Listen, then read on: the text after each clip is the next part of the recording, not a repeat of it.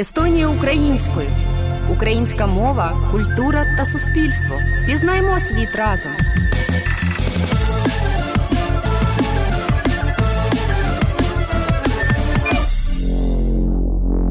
Вітаю в ефірі Естонія українською. Перший подкаст Рус Делфі, який виходить виключно українською мовою. У студії я, автор та ведуча подкасту Анни Бикова. І мій гість сьогодні Оксана Осадча. Оксана фотограф. Вона переїхала до Таліна у 2019 році з міста Біла Церква, Київська область. Тема нашої бесіди сьогодні дуже цікава: візуальні тренди. Як зробити фото на мільйон лайків. Оксано, вітаю вас. Доброго дня.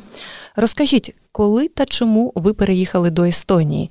Як ви вже сказали раніше, у 2019 році. Переїхала чисто випадково. Чоловік поїхав перше сюди.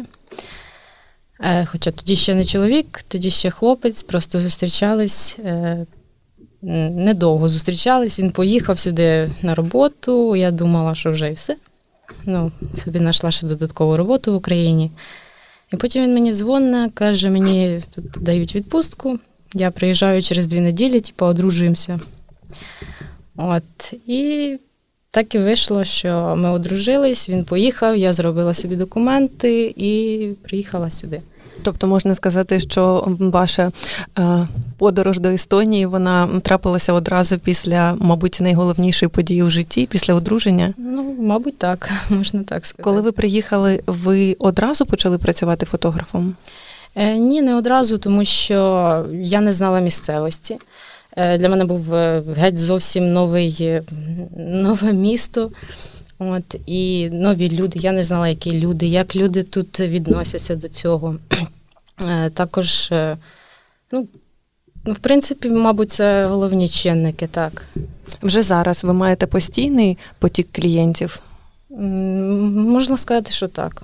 Звичайно, залежить від е, також від пори року, наприклад. Ну, там, Хтось хоче більше там осінню, наприклад, золота осінь, хтось там коли тепло, хтось хоче зимою, але зимою не так, тому що в студіях не сильно хто любить ховатися. І таким Чи чином. відрізняються побажання клієнтів щодо зйомки в Естонії та в Україні? Е, так, це це реально так. Тому Розкажіть, що... у чому різниця? Е, ну, в нас в Україні більш розвинена така сфера, як от Інстаграм, наприклад, той самий, та, якісь соцмережі.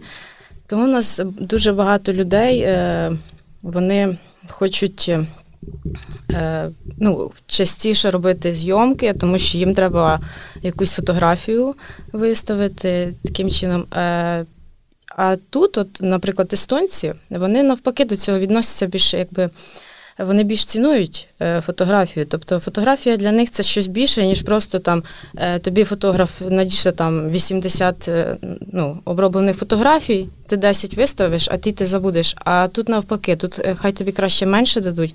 Ну, людина ці фотографії роздрукує, і вони от для неї значать щось більше, ніж просто от картинка якась в інстаграм. Тому з одного боку, це ну, в Україні, звичайно, для людина, яка заробляє гроші, це класно, тому що є більше замовлень. А з іншого боку, це знецінює фотографію. Тому, тому так от. А Щодо соцмереж, таке питання: а фотограф без соцмереж у сучасному світі це реально? Я вважаю, що, мабуть, ні. Навіть якщо в тебе є сайт, е, ну, людині набагато простіше зайти в інстаграм, тому що ну, мабуть, кожна людина зараз проводить там безліч часу, тому що там все. І магазини, і одяг, і послуги, от, і якісь просто картинки, щоб надихнутися, і просто там хтось дивиться якісь відео, щоб відпочити. Тому інстаграм це дуже класна платформа, ну і Фейсбук, звичайно. А як взагалі створити унікальний візуальний контент для соцмереж? Можете дати нашим слухачам поради як фотограф? Е, ви знаєте, я читала це питання перед ефіром, і е, я так конкретно навіть не можу відповісти, як створити його. Ну, Потрібно надихатись постійно чимось, потрібно е, знати, що тебе надихає. Е, тобто надихає тебе, наприклад, море. Значить, поїдь поїдь, подивись, надихнись, і ти обов'язково після цього зробиш класний контент.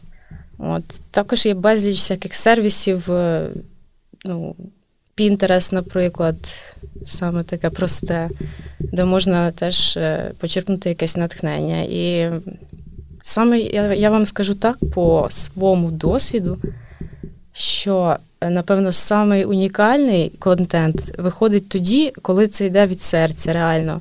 Коли ти от коли немає референсів, які ти копіюєш, мабуть. Ну ні, ну це звичайно. Я завжди казала, що немає таких фото. Ну неможливо ніколи скопіювати фотографію, тому що кожній людині підходить абсолютно от різні пози, наприклад. Ну тобто, е, от якось в мене було ну це відносно недавно. У мене було дві дівчинки, дві сестри, вони е, двійнята, е, в них були ну, в честь день народження вони собі е, влаштували зйомку. І е, теж от одна от сідає отак, от, ну, типу, і друга, я ж теж хочу. Ну, а а то вже позу, а то вже, а то вже угу. зовсім ну, зовсім інше. Я просто кажу, дівчата, отак і так, типа, давайте якось будемо. Е... Тобто ви можете орієнтувати, бачачи вже е, картинку, яка буде, можете орієнтувати ваших клієнтів, як їм краще сісти, яку позу зайняти, ну, щоб кадр вийшов вдалим ми трішки, мабуть, від теми відійшли з одного на інше перескочили. Так я думаю, для наших слухачів дуже багато розумі... дуже важливо розуміти, як себе вести у кадрі. Тому що від наших слухачів основне питання це які фото набирають найбільше лайків та коментарів у соцмережах. Можливо, є якісь секрети, які пози зайняти, як виставити світло, можливо, секрет криється у тому, де фотографуватися. Як зробити фото, яке набере мільйон лайків? Е, Я вважаю, що найбільш такі лайк. Е, Лайкабельні. Лайкабельні да, лайкані, я не знаю. Е, фотографії це живі фотографії. Це саме живі фотографії, це коли людина є в кадрі тим, ким вона є насправді.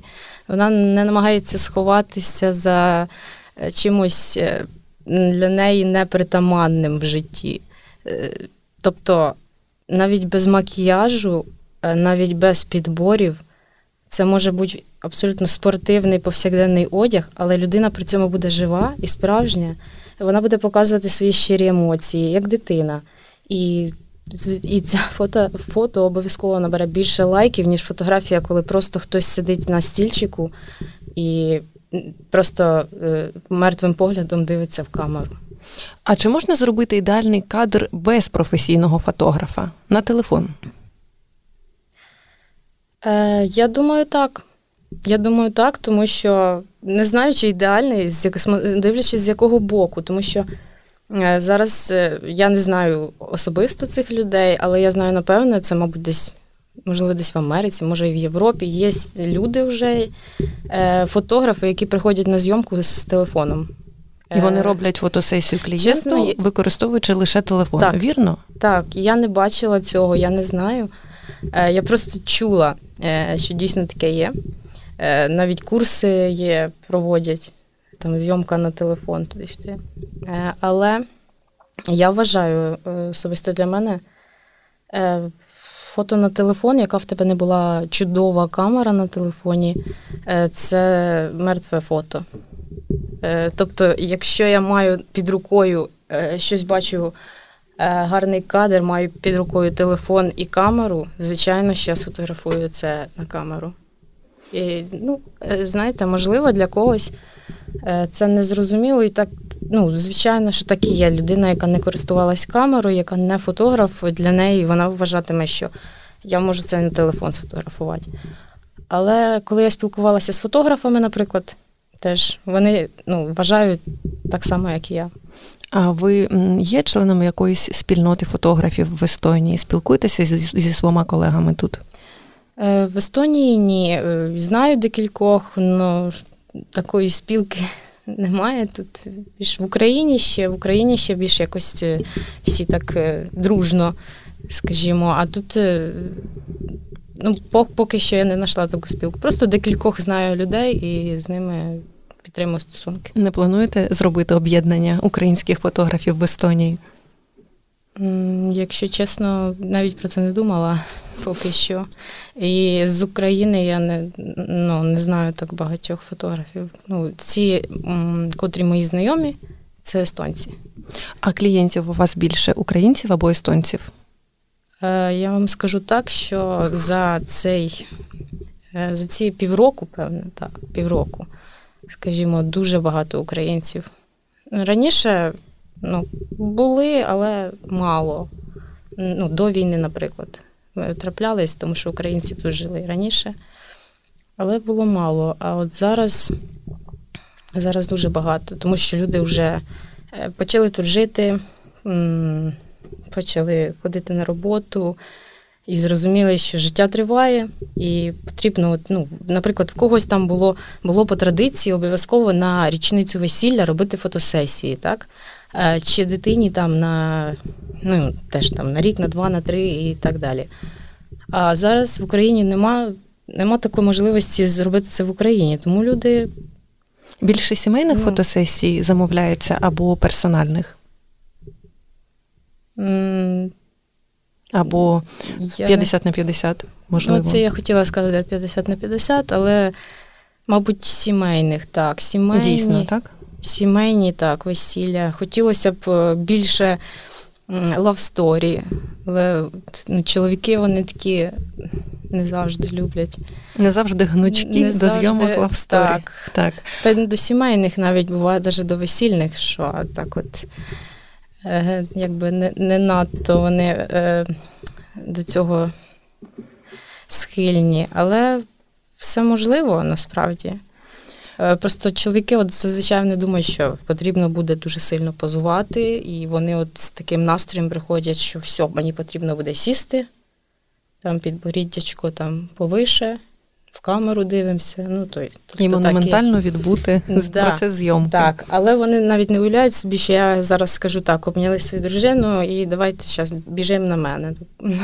Типу, не дивимося в камеру, е, увага приділяємо тільки один одному і забули за мене. Якщо що, я поправлю. Тобто, а ви казали, що взагалі у Естонії є трошки інший підхід до фотографій, більш ламповий, камерний. Е, що фото це не лише кадр для інстаграму, для інших соцмереж, угу. а щось, що буде зберігатися роками і передаватися, мабуть, у покоління з покоління у покоління. Говорячи про сімейні зйомки в Естонії угу. для естонців. А чи були якісь особливі замовлення на фотосесію, особливі зйомки, які закарбувалися у вашій пам'яті? Щось, можливо, неочікуване для вашого портфоліо як фотографа? Особливі? Можливо, до якогось заходу або нетипові? Ні, таких що прямо особливих. Е, ну, вони були особливими хіба що особисто для мене, наприклад. А з боку для іншої людини їх, мабуть, важко назвати особливою, тому що ну, це просто була сімейна зйомка, але вона була наскільки тепла і класна, що от, е, ну, я про одну зараз розкажу. розкажу. Це була ну, дійсно така тепла, класна зйомка. Я її просто обробляла, і я потім ще обробляла і тішилась цьому. Потім ще багато-багато раз передивлялася. І, до речі, от тоді ця, е, ця жінка мені ще написала. Я після того, після цієї зйомки, ми поїхали з чоловіком просто відпочити е, до моря. Ну, в Естонії ж тут. І я просто взяла туди камеру і зробила деякі фото там берега, якісь дерева пофотографувала. ну таке. І е, теж ж е, це розмістила ці фотографії в Фейсбук в себе. І вона мені невдовзі після цієї ж їхньої зйомки, вона мені пише: а ви не могли б. ну, а а я вас ще таке попрошу. Я кажу, що ну, може, це не типово. А ще не могли б ви мені відправити деякі з цих фотографій, я б хотіла в себе в інтер'єрі їх бачити. Ну, тобто, людина, от наскільки, і вона дійсно їх роздрукувала, тому що я потім невдовзі теж їх фотографувала е, ще раз. І я бачила ці фотографії і їхні сімейні з нашої фотосесії, які просто роздруковані і висять в них на стінах. І також ці фотографії, які я просто робила е, рандомно, просто для себе. Це було дуже-дуже приємно для мене. Тобто ваші фотографії опинилися у інтер'єрі ваших замовників. Так. Це було вкрай неочікувано. Це було неочікувано, приємно. Це, мабуть, просто е, було одне з перших таких, що дійсно люди роздрукували в великому форматі на ну, на холсті, як це зараз роблять. Це було дуже красиво. А чи є якась концепція, яку ви висловлюєте своїми знімками? Um... На чому ви первинно акцентуєте увагу? На сімейних відносинах, якщо це сімейна зйомка, або ж на ландшафті природи. Є якийсь основний акцент, який ви намагаєтеся зробити у кожному вашому знімку? Е, я намагаюсь показати максимально, от е, як воно в житті є, які відносини. Я прошу, щоб, е, наприклад, нехай це буде на прикладі парної зйомки, да, або весільної, ну, парної, да. Е, Я прошу там кожного чоловіка, наприклад, там доторкнись там до лиця своєї дружини. Ну, тобто, він це робить. І кожен це робить по-різному. Тобто в цьому всьому в дотиках, в рухах, в тому, як він її обійме. Е, ну, Індивідуальність. В цьому є індивідуальність. І тому от я хочу показати максимально якусь індивідуальність кожного е, в своїй зйомці. Також це відбувається і з дітьми. Е, ну, Ця взаємодія між е, кимось з батьків і дитиною, наприклад. Або навіть е, взаємодія з собою просто. Ну, я, як от, ну, Видно зразу, як дівчина до себе ставиться, як вона. Е, ну, Я, я звичайно ж, я допомагаю там. Стань так, стань так. Я дивлюся, як вона це все робить.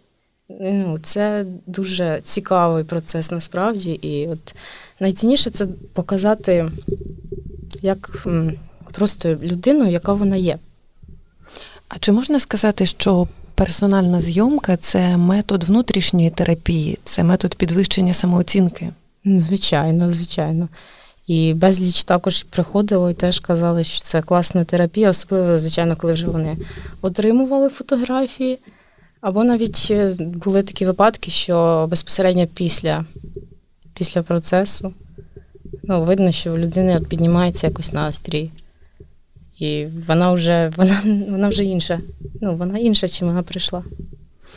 Ви кілька хвилин тому сказали, що трошки контактуєте з колегами, які знаходяться в Україні, і нещодавно ваш колега, український фотограф Євген Малолєтка, в окупованому російськими військами Маріуполі у березні 22-го року зробив фото, яке стало лауреатом премії World Press Photo як найкраще фото року.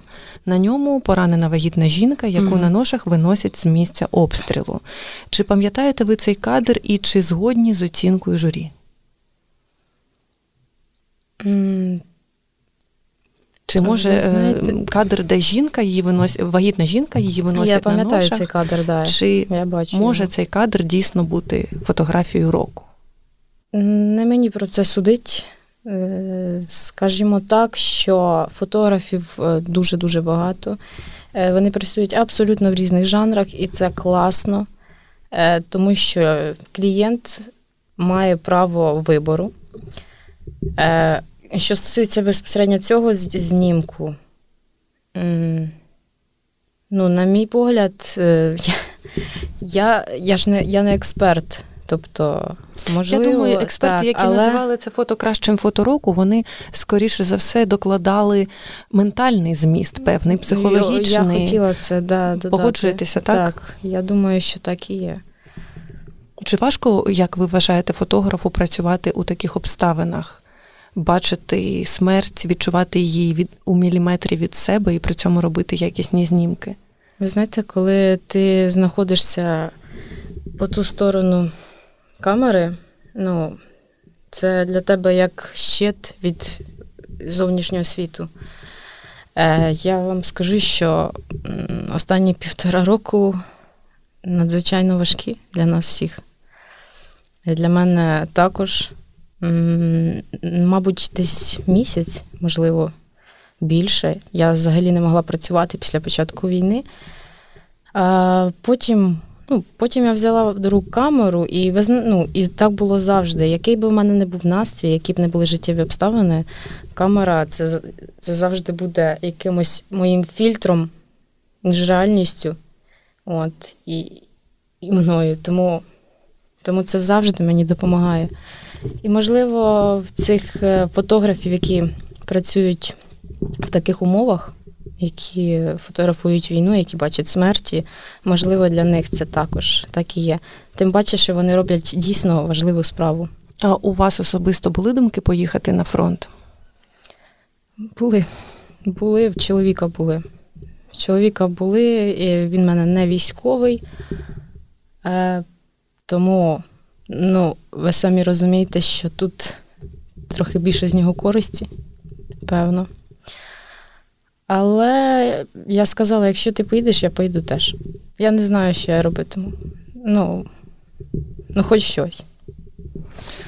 Але на, наразі я рада, що я, війна застала мене тут, тому що я можу звідси, я можу реально допомогти хоч чимось.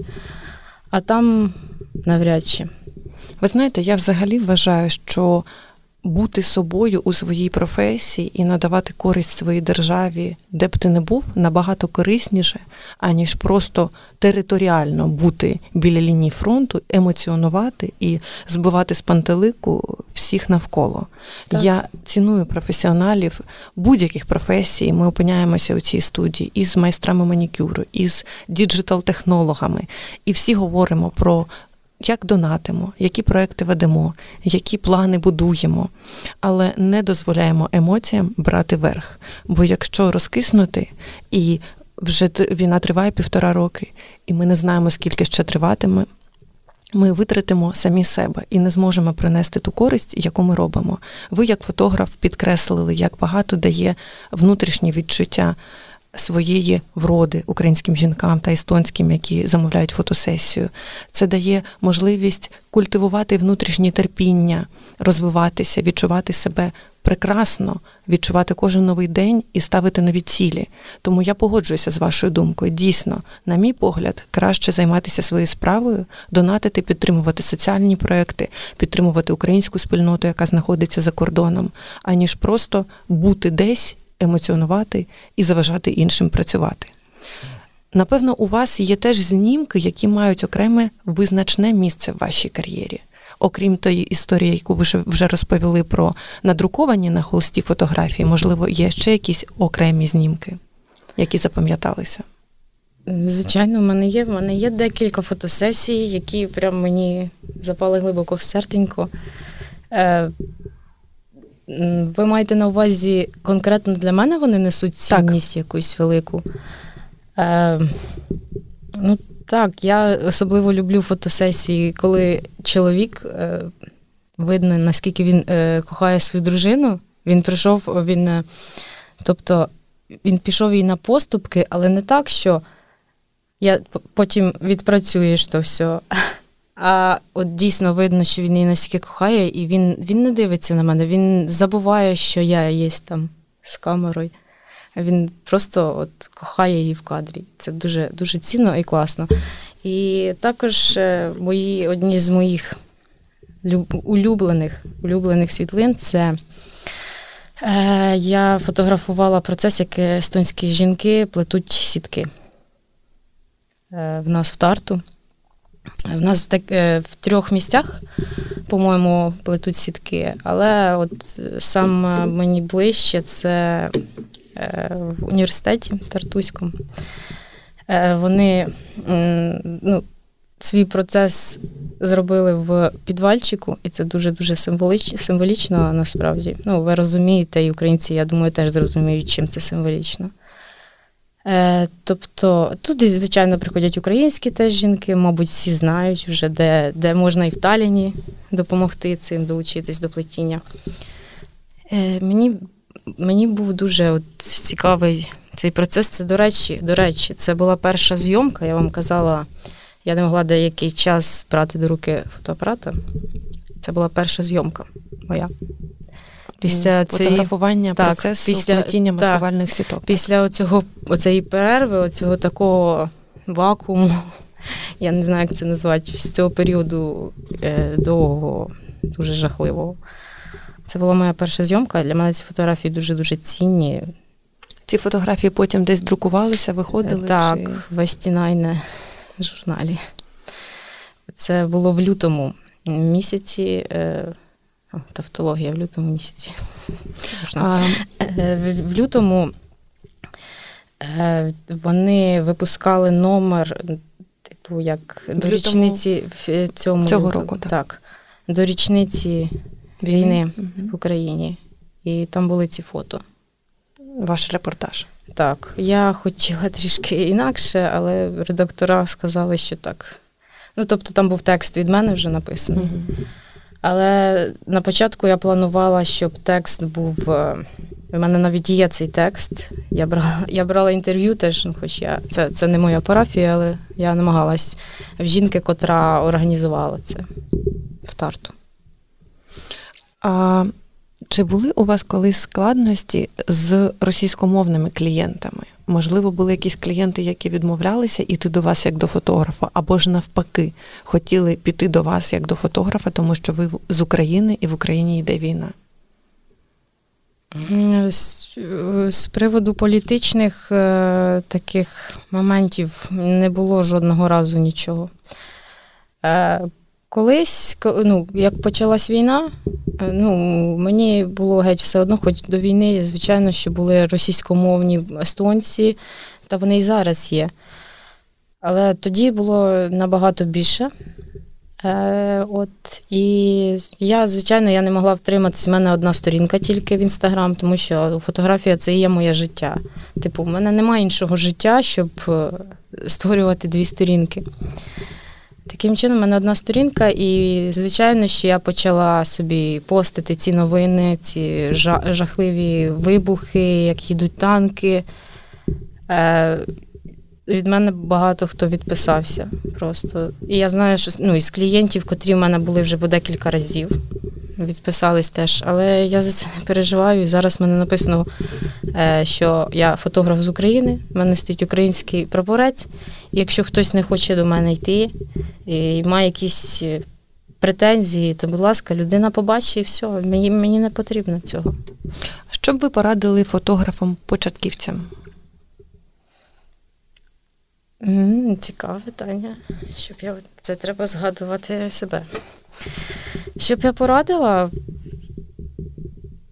попробув, попробувати себе в цьому. Якщо це твоє, в тебе відразу все вийде.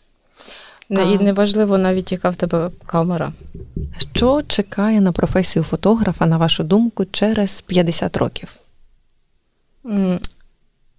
Оце я думала, думала над цим питанням. І я хочу вам сказати, що, от, е, наприклад, зараз е, дуже популярна е, плівкова, плівкове фото. Так? Е, Це як зараз як ретро, як е, вінтаж рахується. І це досить дорого, ну, дороге задоволення. Навіть собі замовить е, плівкову фотосесію, тому що самі от розхідні матеріали, тобто плівка вона не дешева, проявить плівку не дешево. Е, Тому я думаю, що навіть якщо на якийсь момент е, штучний інтелект е, замінить е, фотографів, можливо. Хоча, думаю, це вряд, навряд чи, ну можливо. Е, потім, через ті самі 50 років, в тих, в кого збереглись ці фотоапарати, вони стануть цінними, як і плівкова фото, фотографія зараз. Дякую вам дуже, Оксано. У мене в ефірі була Оксана Осадча, фотограф родом із Білої церкви, яка є фотографом, фотографує всіх і в Тарту, і в Таліні, і, мабуть, її можна назвати однією з найвідоміших фотографинь в Естонії. Ми говорили про те, як зробити фото на мільйон лайків. Говорили про візуальні тренди. Це був подкаст Естонія українською. У студії працювала я, Анна Бикова. До нових зустрічей. До побачення. Естонія українською.